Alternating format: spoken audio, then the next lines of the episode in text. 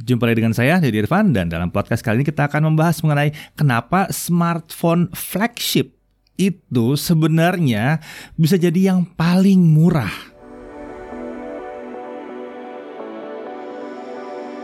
Oke, dalam podcast kali ini kita akan bahas mengenai smartphone flagship dan kenapa itu sebetulnya yang paling murah. Setidaknya buat sebagian orang itu bisa jadi yang paling murah sebetulnya ya. Apakah karena dia sultan? kita bahas, kita bahas nih. Tapi sebelum kita mulai langsung ke flagshipnya, kita akan membahas mengenai konsep mahal murah dulu. Itu yang pertama. Setelah itu baru kita bahas kenapa flagship itu bisa dibilang murah. Kita mulai dari konsep mahal murah dulu ya. Oke, sering ada kesalahan dalam mental dan pola pikir kita mengenai mahal dan murah sering nggak selalu gitu ya. Sering kita pakai standar yang ya aneh untuk mahal dan murah. Nah coba dilemesin dulu pola pikirnya sebelum lanjut. Kalau nggak ntar mungkin kesal dengerin saya di sini ya. Oke kita uh, bahas dulu ya pertama-tama. Kalau ada HP baru motor baru laptop baru yang kelas atas itu perhatikan deh. Mau itu uh, review mau itu tulisan mau itu dalam bentuk uh, video apa pun itu pasti ada yang komentar dan bilang mahal skip, mahal gitu ya. Kalau tanya kenapa mahal? Karena harganya itu mahal banget, tinggi banget. Coba kalau lebih rendah harganya mungkin menarik. Terus ada yang bilang lagi, wah gaji kami kan paling-paling orang Indonesia dua setengah sampai empat setengah juta paling-paling gitu. Kalau yang gajian juga gitu ya.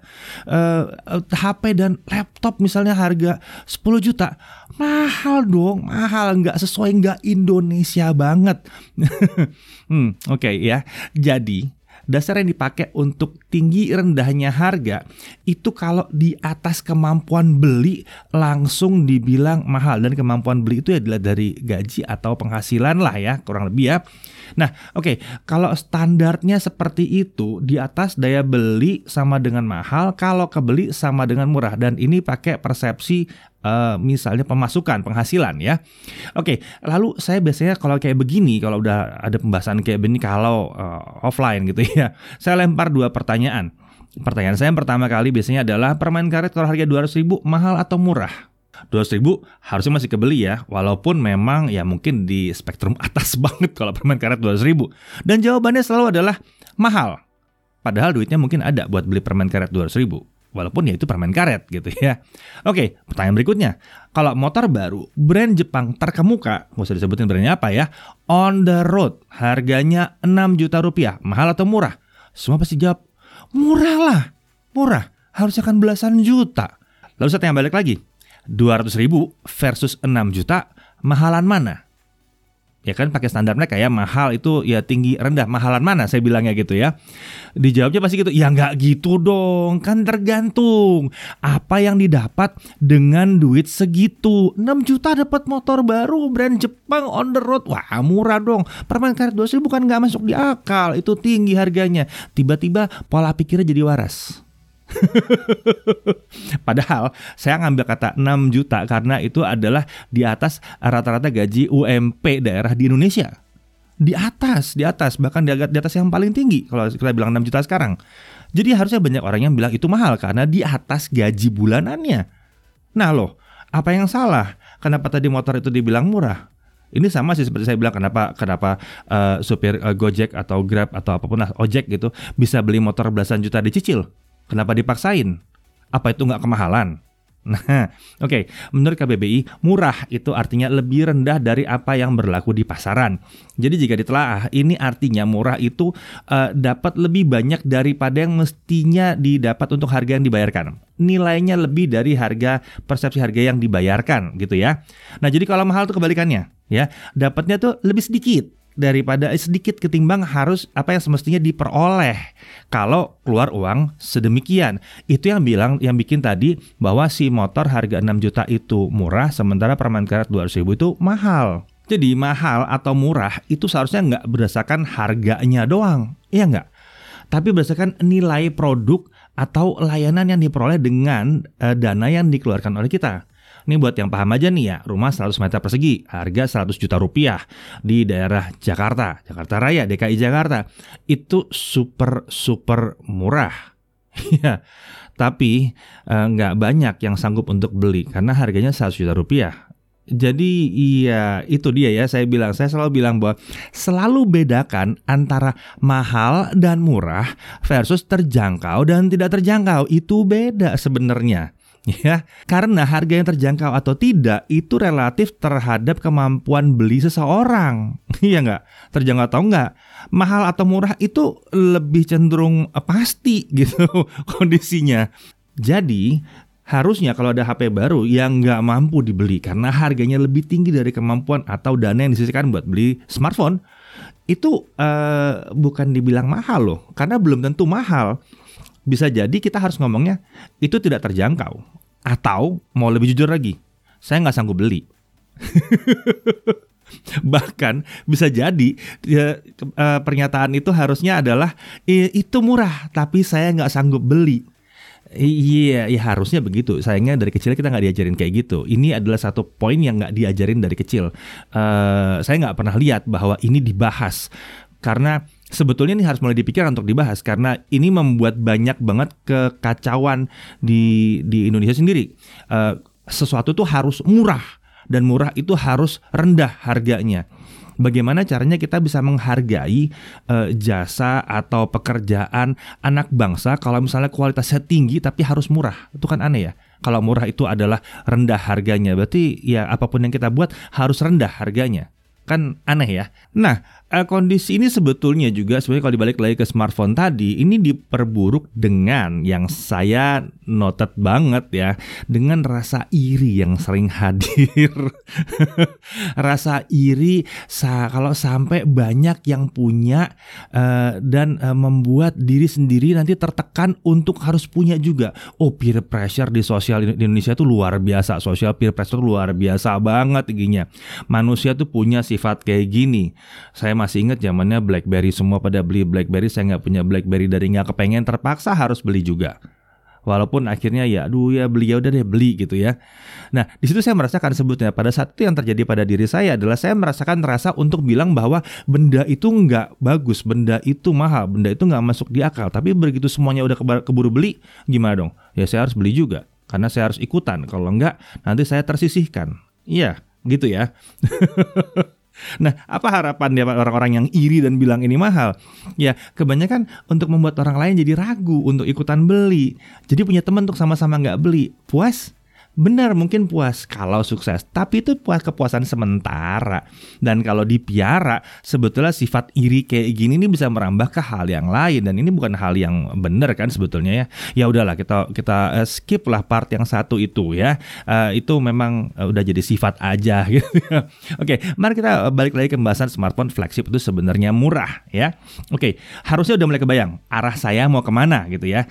Istilah flagship ini sendiri berawal dari uh, dari sebuah sebuah kapal kapal laut yang yang yang kapal tempur yang adanya di depan. Jadi kapal bendera. Kapal ini adalah kapal yang jadi identitas sebuah armada armada laut.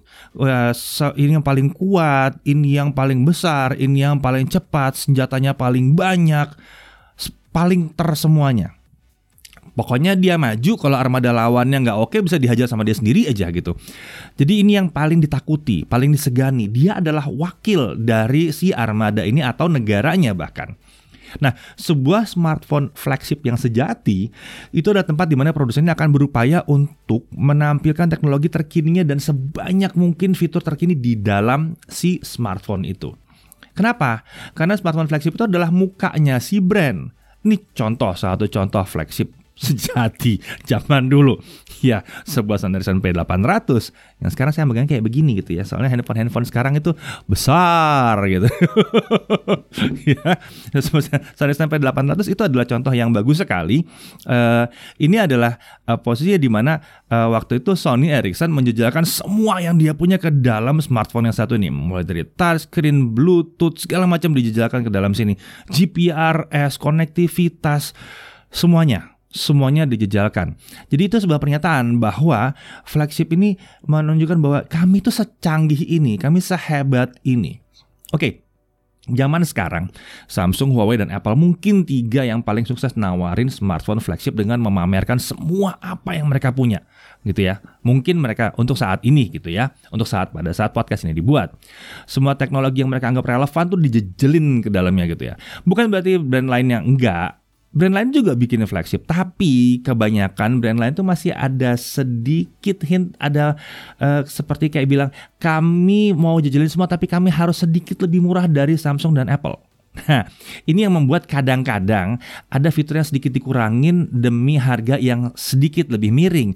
Ya, nggak ada masalah sih sebetulnya, nggak ada masalah ya. Tapi memang itu membuat flagshipnya jadi sedikit kurang kadang-kadang kalau dibandingkan. Tapi tentunya harganya akan sedikit lebih terjangkau juga ya. Nah, uh, sebagai catatan tadi itu yang nama-nama sementara ini aja. Kita nggak tahu kalau ada perubahan. Semuanya bisa berubah tentunya ya. Ya dulu Sony Ericsson jagoan luar biasa ya. Ericsson wow tinggi banget. Nokia wow sekarang ke mana mereka? Agak sedikit kurang sekarang mereka ya. Sayangnya begitu. Ya mungkin nanti mereka bisa balik lagi. Semoga ya. Oke, nah sekarang mari kita lihat apa aja yang kita dapat saat beli smartphone kelas flagship. Satu, yang jelas pasti kenyamanan pakai selalu dirancang untuk jadi yang terkencang atau paling nggak salah satu yang paling kencang ya menggunakan flagship itu selalu seharusnya nyaman. Harusnya nyaman karena kencang dan semua yang bisa dikerjakan akan berjalan dengan uh, performa teratas atau performa yang nyaman sekali lah pokoknya ya. Perbedaannya flagship dengan kelas mid itu biasanya cukup jauh rasanya ya. Ini didukung dengan segmentasi prosesor atau SoC yang membuat perbedaan antara SoC kelas atas dan menengah yang cukup jauh. Uh, mungkin cuma Snapdragon dengan 765-nya aja yang sedikit mulai berubah dengan membuat uh, mid atasnya tuh semakin dekat dengan uh, flagshipnya, dengan paling atasnya. Tapi pada umumnya uh, prosesor atau SoC kelas atas itu masih uh, agak berjarak dengan kelas menengahnya. Selain itu, kenyamanan-kenyamanan itu juga bisa diakibatkan dari faktor yang berikutnya. Faktor kedua, fitur yang berlimpah. Hmm, selalu gitu ya. Nah, ini jadi andalan smartphone flagship saat jualan. Namanya unique selling point katanya gitu. Jadi ada banyak poin-poinnya gitu ya. Selalu harus ada poin baru. Ini menarik. Setiap kali ada flagship baru, selalu harus punya poin baru pada saat peluncuran. Jadi kalau kemarin dia sudah punya poin A, B, C, sekarang harus punya D, E, F. Besok harus punya X, Y, Z. Terus nambah, nambah, nambah, nambah, nambah. Jadi kayak mereka balapan nggak cuma dengan uh, pesaingnya, tapi dengan diri sendiri juga, dengan dengan internalnya sendiri juga mereka balapan. Harus nambah lagi, harus nambah lagi. Ini yang bikin flagship itu jadi punya fitur yang berlimpah ruah untuk kamera misalnya kamera yang lebih baik dan lebih baik lagi motret bisa di kegelapan gitu kan tele paling panjang untuk semua smartphone stabilizer setara gimbal misalnya ya kayak yang ada di uh, X50 Pro ini ya. Itu juga uh, menarik sekali di mana uh, mereka berusaha untuk dorong terus gitu. Terus untuk layar melengkung seperti air terjun kayak di P40 series gitu. Ya kayak di uh, Huawei P40 series melengkungnya di 4 cc gitu ya. Uh, lalu bikin apa uh, tampilannya eksklusif, tampilan yang AMOLED, HDR10 Plus, layar 120 Hz gitu. Yang rasanya licin banget kalau di swipe-swipe gitu. Lalu konektivitas modem 5G, open band yang bisa dipakai di mana-mana aja ya bandnya ya. Uh, Wi-Fi 6 atau AX, Wi-Fi sharing, Bluetooth terkini, NFC, lalu di software juga macam-macam lah. Bisa pakai AI buat hemat baterai, uh, uh, bisa ngasih tahu apa yang kita lihat, ya nyariin benda yang kita cari gitu uh, speaker ekstra uh, kencang, ekstra bagus gitu. Ya macam-macam, banyak banget. Kemampuan buat tahan air juga. Bahkan ada yang dirancang untuk pakai casing yang casingnya ini bisa untuk bawa air yang benar-benar serius di laut gitu. Ada uh, Huawei itu kalau nggak salah bikin kayak gitu. Jadi dia dia punya juga casing spesial buat underwater bener-bener. Dia dirancang bisa masuk dalam casing itu ya. Dan uh, masih banyak lagi fitur-fiturnya berlimpah ruah yang kalau di kelas menengah mungkin nggak kebayang nggak bakal deh dapat kayak beginian gitu ya gitu. Jadi kenyamanan bisa dapat dari situ. Kemudian umur pakai yang panjang. Meski untuk yang punya daya tahan air memang membuatnya jadi lebih tahan harusnya ya. Lebih awet daripada dari kelembapan dari cuaca bahkan dari terpaan uh, udara yang lembab yang yang ber, bergaram asin pula masih lebih aman dia ya. Tapi sebetulnya umur panjang ini diakibatkan oleh performa dan fitur yang lengkap tadi gitu ya. Mungkin ini baru terkejar oleh oleh smartphone uh, level mid end uh, 2-3 tahun kemudian. Jadi semengguna, si penggunanya tuh bisa pakai smartphone itu 2 sampai 3 tahun minimum ya tanpa harus pusing mikirin upgrade di tahun pertama. Kalau di mid end kadang-kadang baru setahun pakai terus kayaknya saya udah harus ganti deh. Kayaknya yang ini lebih keren deh, kayak ini lebih keren deh. Akhirnya setelah dalam 2 tahun atau tiga tahun udah ganti tiga kali atau empat kali handphonenya. Mengeluarkan budget sekitar 4 juta kali 4 atau kali 3 yang udah nyampe ke belasan juta juga. Sementara yang pengguna flagship bilang ya saya pakai beli sekali aja.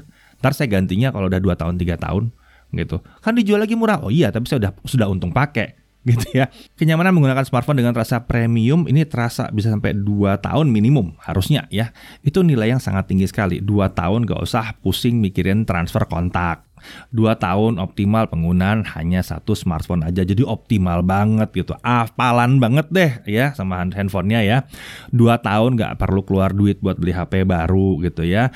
Uh, itu sangat menyenangkan. Kemudian poin lain adalah aksesoris pihak ketiga yang cukup banyak ya. Uh, itu sangat menyenangkan sekali kalau di flagship itu biasanya uh, aksesorisnya cukup rame cukup banyak ya. Itu uh, emang emang udah biasa seperti itu. Karena ya memang orang tahu kalau yang beli flagship mungkin beli casing aja bisa punya 3 4 casing 5 casing bahkan mungkin gitu ya. Dan mereka akan bisa coba-coba pakai macam-macam tempered glass. Mungkin diganti uh, 6 bulan sekali ganti tempered glass bisa jadi gitu ya. Nah kemudian poin tambahannya adalah uh, simbol status. ya, selain kenyamanan dan kemudahan pakai dalam jangka waktu yang lama, penggunanya juga dapat keuntungan bahwa dirinya terlihat keren dengan menggunakan smartphone kelas atas. Ya, ya, ya, ya, ya. Saya tahu, saya tahu itu bukan satu yang sebetulnya layak buat dibanggakan. Tapi itu juga alasan yang sama untuk pakaian sebetulnya ya. Ada uh, ada yang bilang bahwa apa yang dipakai itu mewakili siapa yang memakai. Uh, sama hal seperti pengacara sukses pada pakai Mercy. Kemudian tim agensi kenamaan yang sukses pakaiannya tuh selalu harus trending, hype dan sebagainya. Kurang lebih seperti itu. Itu seperti identitas gitu ya jadinya ya. Tapi lagi-lagi bukan satu hal yang buruk sebenarnya karena pegang satu hal yang baru, misalnya ya, terus uh, meeting itu sudah jadi topik pembicaraan awal yang di mana itu sangat penting sekali. Misalnya kayak gini terjadinya, eh itu apa yang baru kemarin launching ya? Oh iya emang, wah lihat dong. Nah kan pembicaraan jadi cair karena diawali oleh sesuatu yang sederhana seperti itu. Jadi ya tetap aja, walaupun tuh katanya simbol status mungkin bukan hal yang yang baik untuk ditiru, tapi kenyataannya memang seperti itu. Ya, oke balik lagi ke smartphone flagship itu sendiri. Karena banyaknya yang diperoleh dan kemampuannya, dia bisa menjadi smartphone yang paling murah si flagship ini. Tentu aja sebuah smartphone uh, uh, bahkan kelas murah sekalipun udah bisa ganti banyak peralatan. Kita tahu lah. Jadi itu emang sudah membuat uh, beli satu device untuk gantiin kalkulator, radio segala macam ya, udah bisa gitu ya. Tapi uh, untuk kelas menengah mungkin ada beberapa fungsi yang baru sampai level tertentu aja ya. Buat saya sendiri sebuah flagship itu terasa murah uh, hingga level tertentu karena bisa menggantikan uh, laptop dan kamera terutama ya. Karena bisa gantiin penggunaan laptop uh, untuk saya waktu itu sering traveling jadi nggak perlu punya laptop yang tipis dan ringan. Ini bahkan berlaku untuk menggantikan laptop video editing kami di perjalanan. Jadi saya bisa pakai smartphone aja buat ngedit-ngedit walaupun saya tetap pakai laptop sebetulnya, tapi seperti itu bisa dilakukan gitu ya. Dan karena bisa menggantikan fungsi kamera, jadi eh, nggak perlu beli kamera khusus. Ini terbukti untuk tim jagat. Kita bisa ngadirin konten selama satu tahunan gitu ya. Jadi, itu hanya dengan smartphone. Iya bahkan di di uh, di apa di studio pun pakainya smartphone. Di mana itu pakai smartphone flagship ternyata hasilnya lumayan oke okay, ya uh, jadi bisa gantiin fungsi kamera yang berkelas sebenarnya ya. Selain itu sebuah smartphone flagship itu uh, seharusnya memang kan dibuka bandnya ya. Jadi dia bisa digunakan di berbagai negara tanpa masalah. Uh, band yang berbeda itu membuat kita nggak bisa terkoneksi loh kalau kita misalnya di negara-negara tertentu. Misalnya contoh paling parah tuh Amerika. Itu bandnya beda banget bandnya itu beda banget. Itu itu parah. Uh, saya kalau bawa handphone sana tuh buat ngetes kalian hidup nggak? Hidup nggak? Hidup nggak? Hidup nggak? Gitu. Kalau pakai flagship waduh hidup udah beres aman pasti hidup itu hal yang menyenangkan sekali kalau itu udah langsung hidup langsung tinggal ambil kartu tempatnya beres gitu ya Hal yang lebih menyenangkan lagi adalah karena menggantikan laptop, kamera, dan macam-macam yang lain, smartphone flagship ini membuat jinjingan di dalam tas tuh ya, bawaan dalam tas itu nggak waktu traveling itu berkurang drastis. Saya pernah waktu itu liputan memang benar-benar cuma nyoba ngetes kalau saya buat smartphone aja seperti apa dan itu bisa ke luar negeri. Ternyata bisa. Uh, kenapa saya belanja lebih enak? Karena bawa sebuah uh, kamera, bawa uh, laptop lagi yang cukup besar itu mau nggak mau harus dijinjing karena nggak bisa masuk ke dalam bagasi harus masuk ke dalam kabin. Jadi harus jinjing terus. Nanti kalau misalnya kita lagi transit satu tempat itu ya transit dua jam ya dibawa-bawa digotong-gotong ke mana-mana capek juga sih bawanya. Begitu pakai handphone ya cuma satu handphone aja gitu dengan tas yang kecil itu lebih enak. Itu cuma contoh dari uh, saya doang banyak pengguna flash lain yang membeli juga bukan buat gaya-gayaan, banyak yang beli karena butuh tapi kebutuhan yang berbeda ya. Saya jadi tidak mutlak uh, butuh sebuah laptop walaupun saya punya seperti saya bilang ya. Dan uh, saya tidak mutlak butuh sebuah kamera walaupun saya juga pakai gitu tapi saya tidak mutlak butuh sebuah kamera. Saya tidak perlu cari sewaan HP lokal. Contohnya waktu kayak di US gitu ya. Tiga poin ini aja membuat sebetulnya saya jadi hemat secara signifikan. Coba hitung harganya laptop harga sebuah kamera dan uh, terpaksa beli handphone uh, cadangan atau gimana pun yang bisa nyambung ke band yang berbeda. Hah ini uh, nilai yang sangat signifikan sekali ya. Jadi dengan itu tergantikan dengan satu smartphone flagship yang baik dan benar gitu ya. Belum lagi kenyataan bahwa tadi udah dibahas bahwa saya nggak perlu ganti HP selama uh, eh, 2 tahun ya atau mungkin bahkan lebih. Ini nyaman dan uh, iritnya cukup lama. Jadi ingat ya, murah itu bukan berarti pasti bisa dibeli atau pasti terjangkau untuk semua orang. Murah itu artinya kita bisa memperoleh lebih dari pada uh, nilai dari uang yang dibayarkan. Dalam konteks ini bagi saya sebuah smartphone kelas menengah bisa jadi mahal. Kenapa? Karena saya terpaksa harus beli kamera khusus, beli laptop lagi buat ngedit video segala macam ya.